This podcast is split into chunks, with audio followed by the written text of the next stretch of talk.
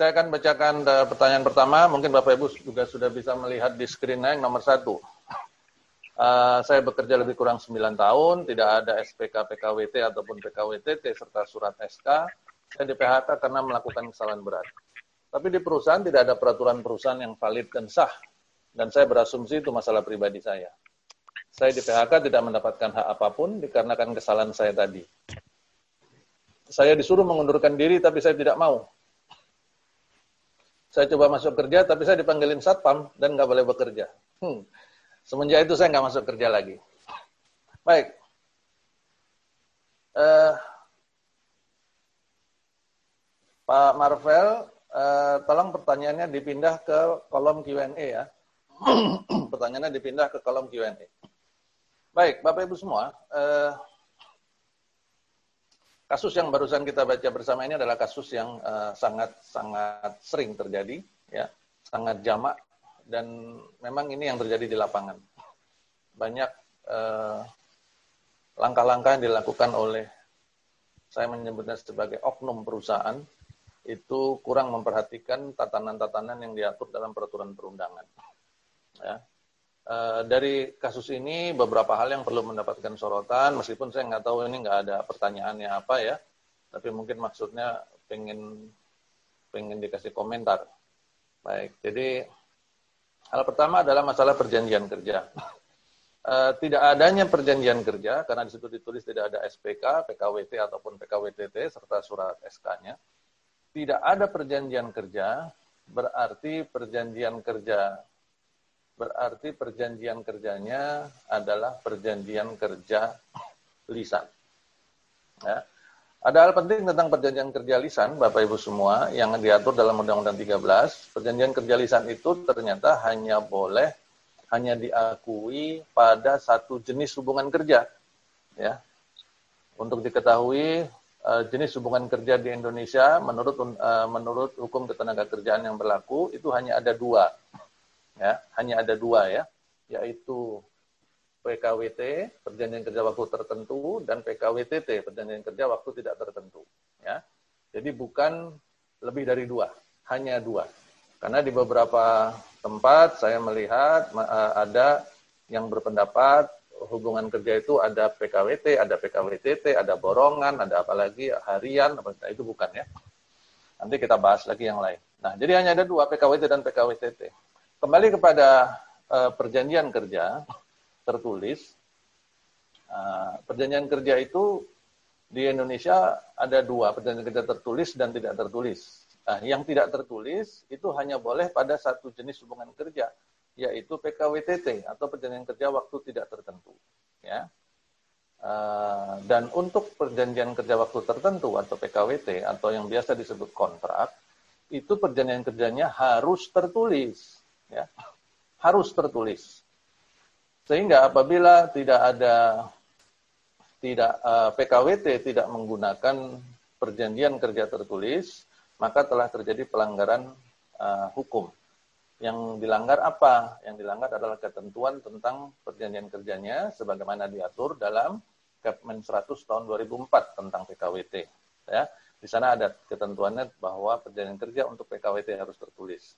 Maka pelanggaran seperti itu membuat uh, memberikan resiko hukum kepada perusahaan, yaitu demi hukum hubungan kerjanya berubah menjadi PKWTT atau permanen.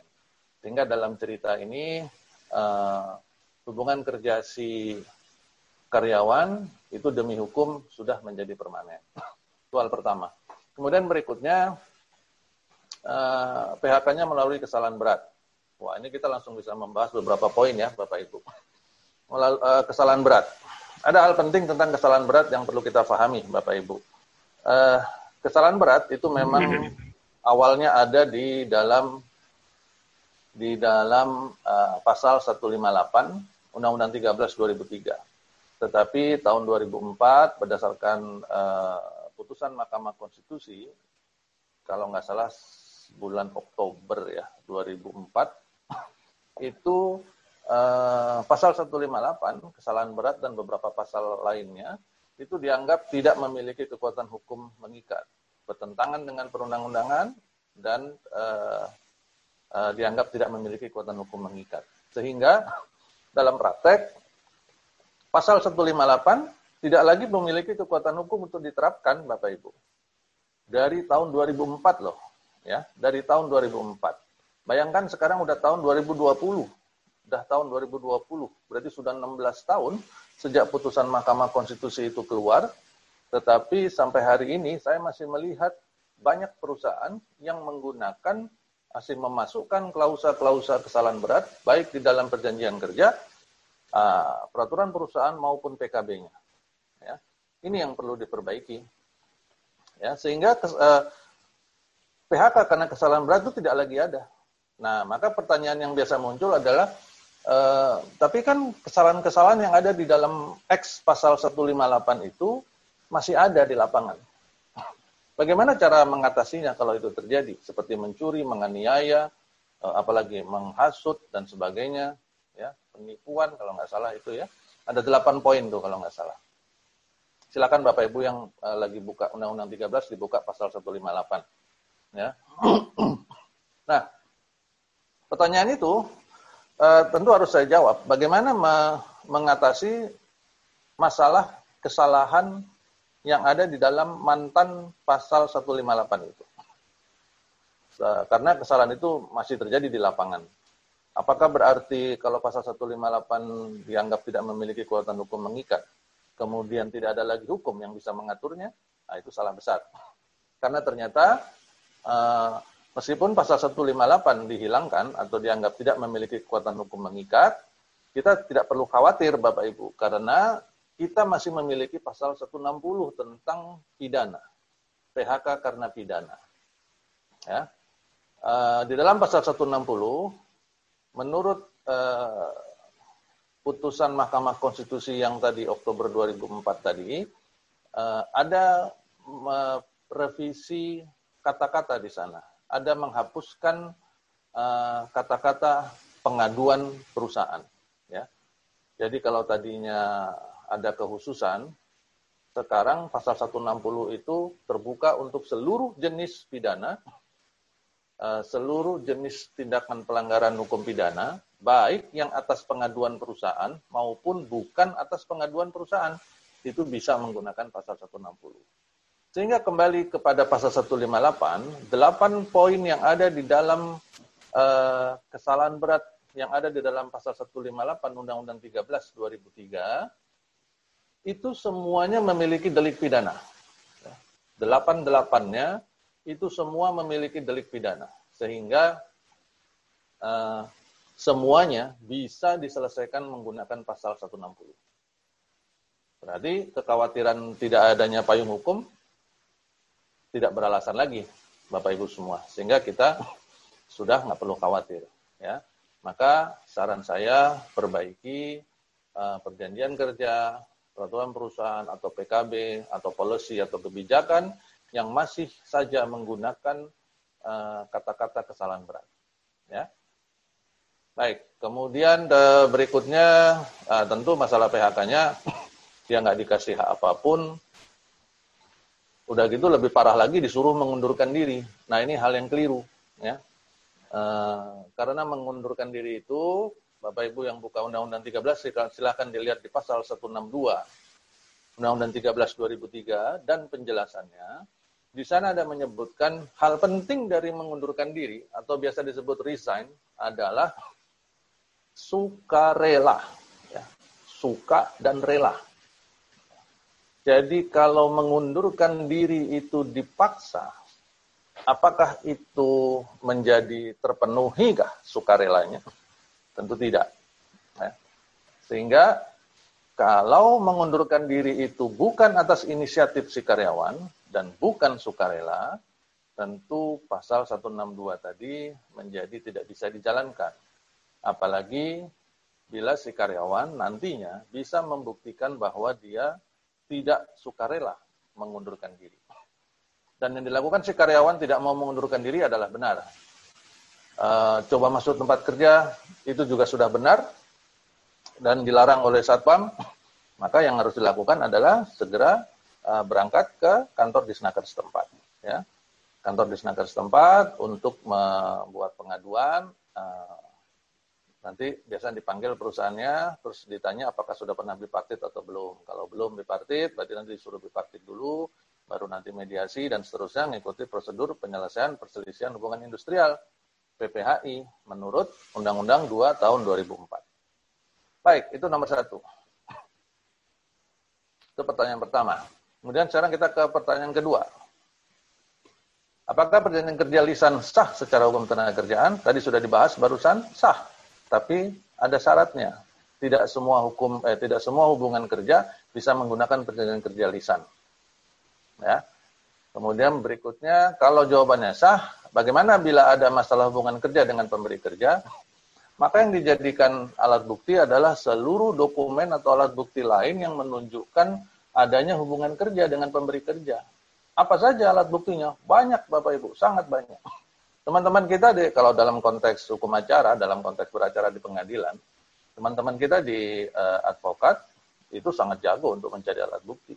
Kita bisa mencari alat bukti hubungan kerja mulai dari absensi, mulai dari uh, slip gaji, mulai dari apalagi itu uh, uh, apa namanya um, print bank print tabungan di bank, kemudian alat bukti misalkan amplop kalau dia nggak pakai perusahaan bayarnya pakai duit cash, ada amplopnya, amplopnya masih ada, bukti tanda tangan atau bahkan surat peringatan misalkan. Ada surat peringatan, itu jadi bukti bahwa ada hubungan kerja. Ya. Dan begitu banyak hal lainnya. Misalkan eh, email, ada laporan kerja dan sebagainya. Itu banyak sekali ya. Eh, untuk membuktikan adanya hubungan kerja antara si karyawan dengan pemberi kerja. Kita lanjutkan ke angka tiga. Eh, angka tiga. Bagaimana cara mendapatkan penghasilan tambahan dalam kondisi sekarang ini, sedangkan kebutuhan keluarga harus terpenuhi? Waduh, ini mungkin yang bertanya uh, berpikir saya bisa memberikan masukan. Tapi nggak apa-apa, saya akan berusaha memberikan masukan. Mungkin masukan saya nggak maksimal karena memang saya bukan ekspertis di masalah motivator dan uh, perekonomian seperti ini, tetapi kata kunci yang bisa kita pakai Bapak Ibu semua adalah uh, kreatif. Uh, dalam kondisi sekarang ini, saya asumsikan bahwa kita sekarang uh, sedang uh, hampir semuanya menjalani uh, work from home, WFH ya, aturan work from home. Uh, sebenarnya keadaan work from home ini atau bahkan ada yang sedang dirumahkan barangkali itu memberikan kesempatan lebih dalam konteks waktu kepada kita untuk berpikir hal lain. Ya, untuk berpikir hal lain, untuk memaksimalkan kompetensi, kemampuan, bakat dan sebagainya, minat kita yang selama ini mungkin terpendam, ya, atau bahkan selama ini nggak pernah dipikirkan, lalu e, bisa kita kelola dan akhirnya bisa mendapatkan penghasilan tambahan. Kalau penghasilan tambahan artinya penghasilan aslinya tetap ada, cuman dia cari tambahannya. Tapi kalau penghasilannya habis karena dia di PHK, eh, maka paling tidak bisa membantu e, penghasilan utamanya, menggantikan penghasilan utamanya. Ya. E, banyak cerita di sosial media, di media ya, di TV dan sebagainya tentang bagaimana eh, usaha-usaha uh, kreatif yang dilakukan oleh teman-teman kita yang di PHK saat ini ya.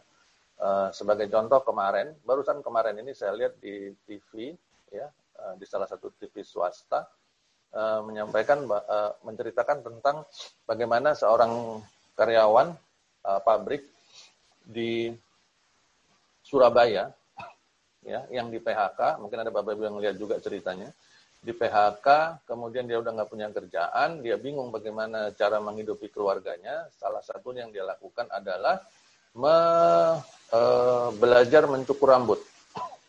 Ya ternyata bisnis cukur rambut kan sekarang lagi babak belur nih. Karena banyak yang nggak berani datang kan ke ke tukang cukur ke salon dan sebagainya karena harus ber, bersentuhan fisik. Ya maka yang dia lakukan adalah dia me, me, dengan modal secukupnya si uh, orang yang ter PHK ini, si bapak ini dia membeli APD, alat pelindung diri. Jadi dia pakai baju alat pelindung diri yang seperti dipakai oleh tenaga kesehatan. Kemudian dia tutup dengan masker, tidak cukup hanya itu dikasih lagi yang topi yang ada apa itu namanya uh, kayak semacam plastiknya itu ya. Kemudian uh, dia keliling karena dia tidak bisa uh, stay di satu tempat. Dia berkeliling dari rumah ke rumah, dari komplek ke komplek, menjajakan cukur rambutnya. Dan sekarang ini salah satu masalah yang dihadapi banyak banyak keluarga adalah masalah cukur rambut. Setelah adanya PSBB, setelah work from home, setelah banyak uh, tukang cukur dan salon yang tutup, uh, itu kalau nggak salah kalau di Jabodetabek ini kan sudah sekitar 10 minggu ya kalau nggak salah ya. 10 minggu kalau nggak salah. Karena saya ngitungnya dari 10 kali Jumatan ya. 10 minggu. Minggu depan tuh eh, kalau Jumat depan berarti udah 11 minggu. 10 minggu itu rambut sudah panjang semua. Ya, jadi sudah kebingungan mereka untuk mencukur rambut. Yang tidak biasa mencukur rambut sendiri bingung apalagi yang kalau biasa cukur rambutnya pakai model ini model itu. Nah, yang paling enak adalah seperti rambut saya, ya. Uh, mau dua hari sekali dicukur juga nggak apa-apa, karena saya akhirnya membeli membeli alat cukur sendiri dan cukur sendiri waktu mandi, ya. Dan itu sangat simpel. Jadi kurang lebih seperti itu kreativitas ya, dan itu perlu dilakukan. Betapa banyak eh, keluarga-keluarga uh, yang sekarang justru uh, beralih profesi, beralih profesi dan sebagainya. Uh, ada yang ada ada cerita nyata juga uh, di salah satu teman di daerah uh, Bogor. Itu uh, beliau adalah mantan chef di sebuah hotel terkenal. Kemudian kehilangan pekerjaannya karena kondisi uh, COVID ini kemudian uh, beliau kebingungan nih bagaimana cara mencari mendapatkan penghasilan untuk keluarganya. Maka yang dilakukan adalah uh, menggunakan kemampuan memasaknya ala hotel. Dia memindahkannya untuk kepentingan rumah tangga. Jadi dia jual makanan ala hotel dengan penyajian dan rasa uh, ramuan ala hotel tapi dia masukkan dalam kemasan-kemasan rumah tangga sehingga dijual uh, murah. Dan itu laku keras sampai harus delivery ke mana-mana. Ya, uh, itu itu adalah beberapa contoh bagaimana kreativitas. Uh, kata kuncinya di samping kreativitas memang kalau kita mau mengingat apa yang terjadi di tahun 98, um, ilmu apa yang paling yang paling sukses untuk survive pada saat itu adalah menggunakan ilmu kepepet. Ya. Ilmu kepepet. Jadi kalau sudah kepepet nih, orang kan pada kreatif nih Bapak Ibu, maka pepetkanlah diri kita. Pepetkanlah diri kita supaya kita tetap kreatif. Begitu. Semoga terjawab. Kemudian pertanyaan keempat, kenapa bahkan seorang HR manager, eh, seorang senior HR manager mengatakan PKWT perpanjangan tidak boleh lebih panjang waktunya dari PKWT pertama. Saya tidak melihat di undang-undang, maksudnya undang-undang 13 nih ya, atau Kepmen 100.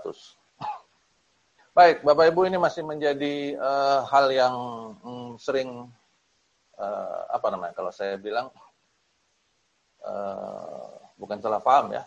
Banyak yang tidak banyak teman-teman kita praktisi HR, eh, praktisi di manajemen di perusahaan, bahkan praktisi di serikat pekerja yang tidak mengupdate ilmu pengetahuannya. Sehingga masih beranggapan bahwa PKWT perpanjangan, kontrak yang kedua tidak boleh lebih panjang dari kontrak pertama. Itu salah besar. Ya, di Kepmen 100 2004 itu tidak ada ketentuan itu Bapak Ibu. Uh, wah, jadi itu ketentuan itu ada di mana? ketentuan perpanjangan uh, kontrak kedua tidak boleh lebih panjang dari kontrak pertama itu ada di Kepmen sebelum tahun 2004 kalau nggak salah yang tahun 98 ya. itu masih ada ketentuan itu. Tetapi dengan munculnya Kemen 100 2004, maka uh, ketentuan itu uh, tidak ada lagi. Sehingga kontrak kedua boleh lebih panjang dari kontrak pertama, asalkan uh, tetap berada di dalam rambu-rambunya. Contoh, uh, kalau tadi di beberapa slide yang muncul, Bapak Ibu melihat ada uh, kontrak pertama, misalkan paling lama tiga tahun. Kemudian di uh, pembaharuannya paling lama dua tahun. Kemudian kalau kontrak pertamanya dia tidak ambil tiga tahun, tapi dia ngambil hanya satu tahun kontrak pertamanya. Boleh apa enggak? Boleh. Kemudian waktu pembaruan, dia nggak ngambil setahun, tapi dia ngambil dua tahun maksimal. Boleh apa enggak? Boleh. Boleh. Kenapa? Karena memang maksimal dua tahun pembaharuannya. Ya. Begitu. Sehingga Bapak Ibu yang mendengarkan, nanti mungkin tolong di-share kepada teman-temannya, kepada manajemennya, kepada HR-nya, bahwa uh, uh, kontrak kedua, kon, uh, kalimat kontrak kedua tidak boleh lebih panjang dari kontrak pertama, itu sudah tidak ada lagi sekarang, sudah tidak berlaku berdasarkan Kepmen 100 2004. Oke? Okay? Berikutnya. Karyawan sudah di PHK sejak Januari 2020 dan rencana pembayaran dilakukan akhir Maret 2020. Rencana pembayaran sudah diketahui oleh Disnaker, tapi sejak terjadinya work from home, finansial perusahaan kurang baik, sehingga karyawan yang di PHK hingga sampai saat ini belum dibayarkan. Pihak perusahaan sudah koordinasi dengan karyawan dengan dijanjikan akhir bulan April. Namun sepertinya finansial perusahaan belum ada pemasukan. Bagaimana cara mengatasi hal ini? Mohon bimbingan. Uh, ini artinya PHK-nya sudah selesai, ini tinggal masalah pembayarannya. Jadi arti uh, asumsi saya sudah ada perjanjian. Maka yang terjadi adalah perjanjian uh, hutang piutang ini. Ya. Apabila perusahaan memang masih belum memiliki uh, kemampuan dan sebagainya, yang penting perusahaan memiliki niat baik untuk menyelesaikannya tetapi saya sangat menyarankan untuk tidak memundur-mundurkan terus. Kalau memang perusahaan belum sanggup membayarkan semuanya, mungkin berapa dulu yang dia punya, dia bayarkan. Karena si karyawan tentu sangat membutuhkan ini. Ya. Di sisi lain, eh, apabila eh, waktu yang dijanjikan sudah terlewati dan pihak perusahaan belum membayar, karyawan dapat menggunakan hak hukumnya untuk melakukan tuntutan. Ya, Uh, saya tidak tahu apakah ini nanti jatuhnya masuk ke pengadilan umum atau masuk ke PHI karena PB-nya yang belum selesai tergantung bagaimana isi perjanjiannya. Ya, artinya si karyawan punya beberapa kemungkinan apakah mengarahkan kepada uh, penyelesaian hukum ketenaga kerjaan yaitu melalui PHI atau mengarahkan kepada penyelesaian melalui hukum umum di mana di dalamnya bisa lari ke pidana dan perdata dan ini sangat sangat merumitkan, menyusahkan, merugikan perusahaan. Ya, maka saran saya sebaiknya uh, segera dilunasi. Apabila tidak bisa melunasi, paling tidak uh, dibayarkan dulu sebagian. Ya. Apabila uh, tidak dibayarkan dulu sebagian, mundur-mundur terus, nah itu nanti karyawan akan menggunakan haknya. Dan segala perubahan cara atau metode pembayaran tadi sebaiknya dipergunakan kesepakatan ya tertulis. Kesepakatan tertulis baik berupa PB, pengakuan hutang dan sebagainya. Oke. Okay.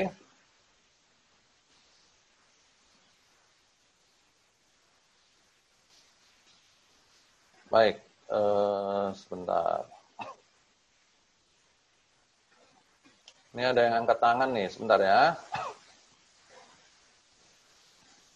Pak Rey. Pak Rey, speaker sudah saya hidupkan, silahkan. Pak Rey Razak.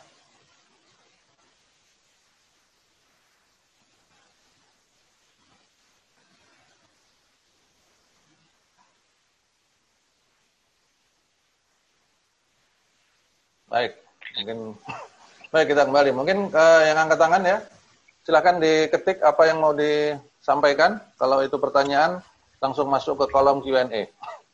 Ya. Baik, kita lanjut agan. Itu tadi nomor lima. Berikutnya nomor enam.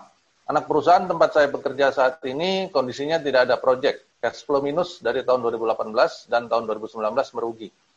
Sehingga untuk biaya gaji masih mengandalkan dana talangan holding. Rencana perusahaan ini akan dibekukan stop operasi. Pertanyaan saya, apakah kita bisa melakukan PHK dengan skema merugi? Dan apakah dengan kondisi pandemik COVID ini juga bisa dijadikan alasan untuk PHK karyawan? Karena perusahaan tidak ada cash sama sekali. Boleh. Perusahaan menggunakan PHK dengan skema merugi, boleh, penuhi syaratnya. Uh, ingat ya, itu kalau nggak salah ada di pasal 16 berapa itu? 164 ya.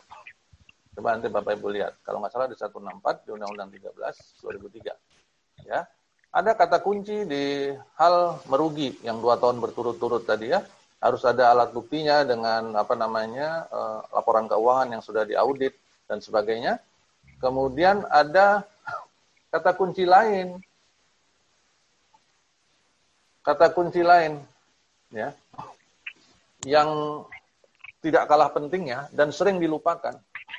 Perhatikan kata pertama kata ya kalimat pertama di dalam pasal 164 yang tentang merugi itu ayat 1 ya.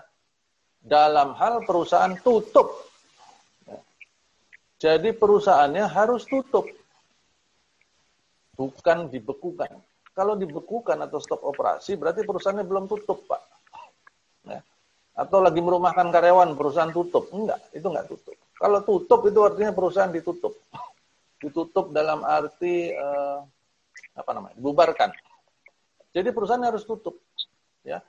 Perusahaan boleh rugi 5 tahun, 10 tahun, 15 tahun berturut-turut, tapi kalau perusahaannya tidak tutup, maka belum bisa menjalankan pasal eh, PHK karena merugi. Demikian juga dengan kondisi COVID ini. Boleh PHK karena kondisi COVID dan sebagainya. Cuman alasannya mau pakai pintu apa? Mau pakai pintu force major. Uh, lihat lagi, di pasal yang sama kalau nggak salah, force major itu juga kata kunci di depannya adalah tutup. Jadi kalau perusahaannya nggak tutup, menurut saya itu belum bisa menggunakan uh, pasal ini. Ya. Apakah stop perusahaan harus melapor ke Disnaker? Tentu. Ya. Uh, karena ini kan urusannya nanti sama kemungkinan pelaporan karyawan dan sebagainya. Ya. Apabila terjadi PHK, kemudian kemampuan perusahaan memberikan pesangon kurang mampu, apakah menjadi kewajiban holding atau pemegang saham mayoritas? Wah, ini kajiannya ada beberapa macam nih Bapak Ibu, ya. Kalau bicara tentang uh, kewajiban holding dan sebagainya, pasti uh, dilihat dari beberapa sudut pandang. Selama ini pembiayaan untuk membayar upah karyawan siapa yang bayar? Ya, kalau selama ini memang uh, sudah menggunakan dana dari holding, maka uh, biasanya si holding yang akan diminta untuk bertanggung jawab. Kemudian uh, apa namanya uh, membayarkan pesangonnya tidak mampu. Nah, ini hal penting ya Bapak Ibu. Nanti akan di, ada juga pertanyaan-pertanyaan di bawahnya yang menyentuh tentang masalah uh, keuangan tidak mampu bayar pesangon. Ya. Uh, teman-teman yang memiliki background finance nanti mungkin bisa bantu saya. Tetapi yang saya tahu uh, di perusahaan kita ada ketentuan PSAK 24. Ya. PSAK 24, di mana uh, itu ikut dalam audit audit keuangan kalau nggak salah ya, financial audit setiap tahun dan di dalam financial audit itu uh, di dalam PSK 24 itu disyaratkan perusahaan harus memprovisikan memprovisikan atau mencadangkan dana terpisah ya. Mencadangkan dana terpisah untuk membayar pesangon dengan resiko terbesar. Artinya resiko termahal Maksudnya berapa bayar pesangon paling tinggi menurut perundangan uh, atau menurut uh, perundangan atau menurut ketentuan dalam uh, eh, PP atau PKB di perusahaan tersebut. Dan itu menurut PSAK 24 harus dicadangkan sendiri. ya, dan itu bagian dari financial audit.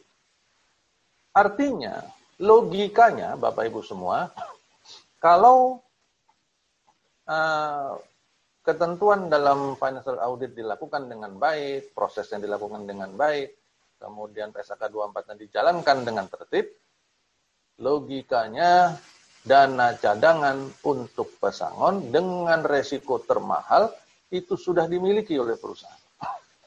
Sehingga dalam tahun yang bersangkutan tidak ada cerita perusahaan menyatakan tidak mampu bayar pesangon. Ya, karena sudah diperhitungkan di awal. Begitu. Sehingga menarik apabila sekarang perusahaan beramai-ramai e, berteriak e, mengklaim bahwa dia tidak punya duit buat bayar pesangon. Ini sama dengan e, perusahaan itu mengumumkan sendiri pelanggaran yang telah dilakukannya e, terhadap ketentuan PSAK 24. Ya. Mungkin teman-teman dari bagian finance bisa membantu saya mengenai ketentuan khususnya PSAK 24 apa uh, dihubungkan dengan financial audit apakah itu wajib atau tidak ya kalau di dalam financial audit dinyatakan sudah dicadangkan terus ternyata dalam prakteknya di tahun berjalan dia tidak ada uangnya itu apa artinya nah, silakan teman-teman di bagian finance nanti akan menjawabnya ya.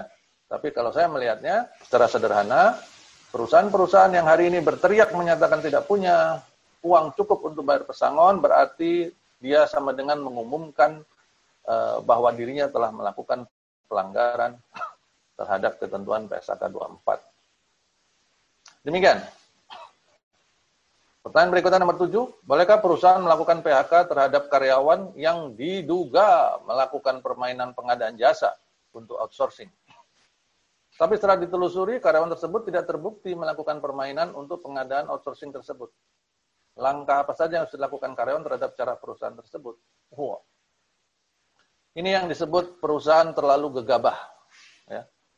terlalu cepat uh, apa namanya mengambil keputusan berdasarkan emosi tanpa didasari uh, data, fakta dan bukti-bukti yang lengkap. Langsung main PHK. Karena kayaknya, kayaknya, gosipnya ini si karyawan ini, si manajer Anu itu uh, terima duit nih dari perusahaan outsourcing. Maka kita sikat aja. Tapi nggak dicari buktinya. ya. Ini sebuah langkah yang sangat gegabah dan tentu ini melanggar perundangan. Kemudian langkah apa saja yang dilakukan karyawan? Ya dia eh, si karyawan memiliki hak hukum untuk menolaknya, untuk menentangnya dan eh, melakukan keberatan serta membuat pengaduan kepada instansi pemerintah yang bertanggung jawab di bidang ketenaga kerjaan, yaitu di senaker setempat. Ya. Yang perlu diperhatikan dalam prosesnya nanti, si karyawan harus me, meminta perusahaan untuk menjelaskan mengenai alasan PHK-nya. Kalau alasan PHK-nya adalah karena melakukan permainan pengadaan jasa, menerima uang misalkan, ada nggak buktinya dan sebagainya. Itu yang harus dilakukan eh, oleh si. Pak, kalau si karyawan terima-terima aja gimana? Nah, kalau si karyawan terima-terima aja, ya memang itu hak dia juga. Misalkan si karyawan, ya sudahlah daripada aku ribut, udahlah kasihanlah HR manajernya uh, dekat sama saya, jadi ya sudahlah, ya sudah. Jadi uh, tetap ada pilihan bagi si karyawan, uh, apakah dia akan berdiri menegakkan haknya, berdiri menuntut haknya, atau diam saja. Kalau karyawan memilih untuk berdiam diri dan menerima atas kezoliman, ketidakadilan yang dilakukan oleh oknum perusahaan, maka yang saya sarankan, lupakan, terus move on. Jangan diungkit-ungkit lagi kalau memang sudah menyatakan, ya sudahlah. Gitu ya. Jadi jangan hari ini menyatakan, e, ya sudahlah, saya diam saja. Gitu. Uh, susah soalnya ngurusin ngelawan perusahaan, ya sudah. Kalau dia nggak mau. Kalau gitu sudah lupakan dan jangan lagi lihat ke belakang, jangan lagi diingat-ingat. Ya. Begitu supaya kita nggak stres sendiri. Yang repot ini kan hari ini bilang, ah, udahlah susah nih ngelawan perusahaan, susah ini gitu, susah ini gitu, ya, uh, untuk menutupi uh, kekhawatiran, ketakutan, ketakutan pribadinya. Uh, tapi masih terus saja ngomong di belakang, terus nggak move on, jadi nggak segera melangkah untuk me, me, apa namanya menyongsong masa depan yang baru, tidak segera melangkah untuk mencari pekerjaan baru atau melakukan aktivitas baru, tapi akhirnya dia akan terus uh, terjebak di dalam tadi perasaan-perasaan kesal terhadap perusahaan itu. Nggak usah. Ini ya, Bapak Ibu semua sedikit uh, sharing. Saya, saya pribadi sudah dua kali di PHK. Dua kali di PHK. Ya, dua kali saya di PHK oleh perusahaan. Uh, dan semuanya uh, saya lawan. Karena saya tidak mau berdiam diri terhadap kezoliman. Uh, saya sebagai HR leader dua kali di PHK. Itu, itu pilihan. Pilihan bagi kita. Kalau kita mau diam, silakan. Kalau kita mau berdiri, uh, menuntut hak, itu masih dibenarkan oleh perundangan. Ya. Begitu. Bapak Ibu yang bertanya tentang apa tadi permainan ini. Nomor 8. Salah satu karyawan PKWTT atau karyawan tetap dengan kinerja yang kurang baik dan sudah di rolling di beberapa departemen dengan maksud agar yang bersangkutan mengundurkan diri. Namun memang yang bersangkutan sengaja untuk di PHK, sedangkan perusahaan masih belum sanggup memberikan pesangon.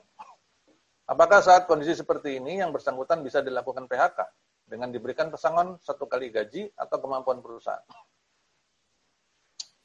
Bapak Ibu semua, teman-teman di HR, teman-teman kolega di pimpinan perusahaan, kalau punya karyawan yang kinerjanya tidak baik, maka yang perlu dilakukan atau lebih luas lagi yang bermasalah ya, karyawan yang bermasalah, maka yang harus kita lakukan adalah menyelesaikan masalah tersebut.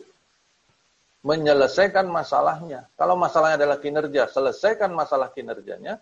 Kalau masalahnya adalah attitude, selesaikan masalah attitude-nya. Kalau masalahnya adalah pelanggaran, selesaikan pelanggarannya. Bukan dibuang ke departemen lain. Ini sebuah kekeliruan besar yang hari ini jamak terjadi di banyak perusahaan. Karena dianggap nggak baik, karena dianggap e, males dan sebagainya, melanggar, bukannya diselesaikan pelanggarannya dengan penegakan hukum, kita punya mekanisme surat peringatan, tetapi malah dipindahkan ke departemen lain. Nah ini bukan bukan langkah mendidik. Sehingga si karyawan beranggapan bahwa apa yang dia lakukan itu adalah benar. Nah ini yang keliru. Bukankah kita di manajemen harus menerapkan uh, parenting management? Semua karyawan anak buah kita di perusahaan itu adalah anak kita. Nggak peduli berapa usia mereka dan berapa usia kita. Kalau kita adalah pemimpinnya, maka kita adalah orang tuanya. Nah, uh, coba lihat apa yang terjadi di rumah. Kalau anak kita di rumah, yang masih kecil-kecil itu atau yang sudah ABG, melakukan kesalahan, kira-kira yang kita lakukan apa? Diam atau kita selesaikan masalahnya? Pasti selesaikan masalah kan? Kita panggil yang bersangkutan, kita kasih tahu yang kamu lakukan ini salah, resikonya begini, maka konsekuensinya begini, dan segini, begini. Kalau perlu dikasih hukuman, kasih hukuman, nggak dikasih uang jajan lah, apa sebagainya, dan sebagainya. ya. Itu harus dilakukan. Dan begitu juga yang harus kita lakukan di perusahaan. Bukan dengan memindahkan ke departemen lain. Ini kekeliruan mendasar yang eh, yang sering terjadi hari ini. Nah ini harus diperbaiki. Ya. Dipindah sana sini supaya bersangkutan mengundurkan diri. Kalau dapat karyawan, nah Pak Ferdi itu bilang, dibina, bukan dibinasakan. Kalau sudah dibina nggak bisa, baru dibinasakan. Tuh benar Pak Ferdi. Ya, Pak Dodi Sinar Alam Banjarmasin, ketemu lagi kita. Uh, baik. Uh, jadi ini yang perlu kita lakukan ya. Jadi uh, sebagai HR, sebagai manajemen, kita tidak perlu khawatir, tidak perlu takut, tidak ada yang perlu kita takutkan untuk berhadapan dengan karyawan menyatakan bahwa dia salah. Itu harus kita lakukan sebenarnya yang banyak terjadi ketakutan itu adalah ketakutan-ketakutan pribadi kita kok. Karena saya juga sudah mengalami di berbagai jenis industri baik yang manufaktur maupun yang di remote area, sampai industri berat, sampai ke natural resources, uh, sampai di tengah hutan, sehingga saya sudah berhadapan dengan teman-teman di, di uh, banyak daerah. Cuman oil aja yang belum, perbankan belum. Ya. Tapi uh, mereka bisa kok dikasih tahu. Kalau mereka salah, ya kita memang akan berdebat, mungkin akan keras dan sebagainya. Di sisi lain tentu komitmen perusahaan itu perlu untuk mendukung penegakan hukum. Jangan nanti HR-nya sudah sudah kenceng, sudah berusaha menegakkan aturan, tiba-tiba bos besarnya, eh, direkturnya bilang, udahlah biarin aja. Ya udah, wassalam tuh kalau